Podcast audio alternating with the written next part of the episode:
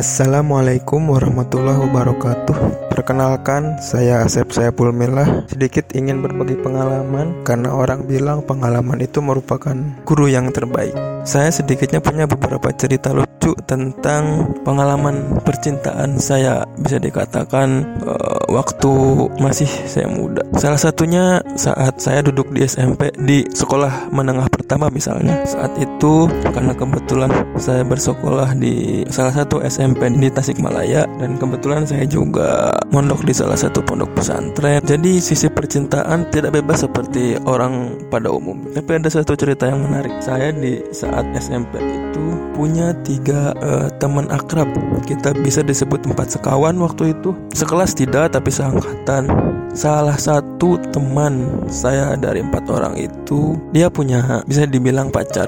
Tapi karena kita sama-sama berada di pondok pesantren, gaya pacarannya tentu mempunyai ciri khas yang tidak sama dengan orang-orang uh, di luar. Orang-orang di pondok pesantren itu yang bisa dikatakan pacaran cuma sebatas kirim mengirim surat ataupun bertemu sekedarnya itu pun hanya papasan saat di sekolah. Tapi di balik itu ada kesan yang lebih menarik kalau saya lihat dibanding uh, gaya berpacaran orang-orang di luar. Nah saat itu salah satu salah satu teman saya itu punya seorang pacar. Tidak disangka-sangka dan tidak diduga-duga. Uh, saya sempat berkelakar pada pacar teman saya. Intinya kelakar saya saya tanya mau nggak jadi pacar saya. Di saat itu saya tidak pernah terpikir itu bulan serius atau tidak. Tapi seiring berjalannya waktu, entah itu ada sedikit komunikasi yang tidak sampai antara teman saya dengan pacarnya tersebut. Uh, singkat cerita, jadilah uh, si perempuan itu pacar saya dan saat itu statusnya masih pacar dari teman saya tersebut. Akhirnya beberapa bulan uh, kita kalau orang-orang sekarang bilang berhubungan di belakang layar atau apa itu istilahnya. Uh, itulah jadi tidak diketahui oleh orang. Nah, beberapa bulan kemudian akhirnya tercium juga dan semua orang tahu. Nah, di situlah uh, saya sempat berpikir saya menjadi orang paling jahat di dunia dan akhirnya teman saya itu tahu bahwa uh, kasarnya yang menjadi penyebab dia putus saat itu adalah kelakar saya tadi yang awalnya tidak diduga juga dan akhirnya saya pun seiring waktu uh, dengan si pacar teman saya tersebut ya tumbuhlah rasa rasa sayang rasa saling cinta. Tapi lagi-lagi lagi-lagi tadi gaya berpacaran kita hanya sebatas surat menyurat kirim surat menyurat dan bertemu sekedarnya papasan di sekolah.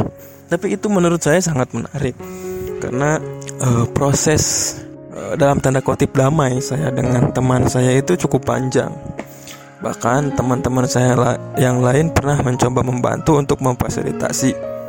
Tidak dalam posisi untuk membela siapa pun, mencari siapa yang salah dan siapa yang benar.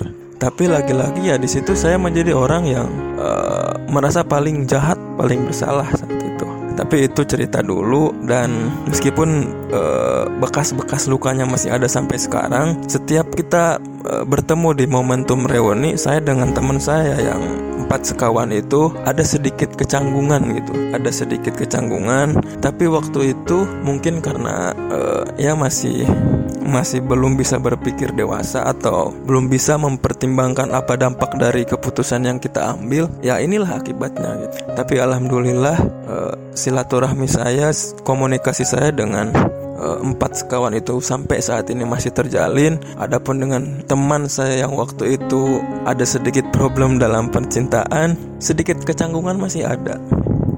Tapi ya silaturahmi kita alhamdulillah mengalir karena alhamdulillah saat ini dia juga sudah uh, menikah, sudah beristri, saya juga sudah menikah, sudah sudah beristri dan istri saya maupun istri teman saya tersebut bukanlah perempuan yang kita perbincangkan tadi ya kalau diingat-ingat uh, membuat saya ketawa geli sendiri melihat tingkah saya dulu seperti itu. Padahal kalau di kalau dilihat dari segi wajah pas-pasan iya apa sih kelebihannya? Tapi nggak nyangka aja bisa sampai terjadi seperti itu.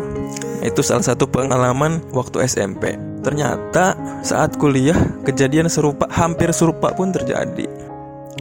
Mungkin yang bisa saya lakukan sekarang adalah mengambil hikmah dari semua pengalaman yang sudah kita lalui. Tidak hanya dalam percintaan dalam hal lain semua pengalaman yang sudah kita dapat harus kita jadikan pelajaran agar kita bisa tahu bagaimana cara kita melangkah dengan baik ke depan.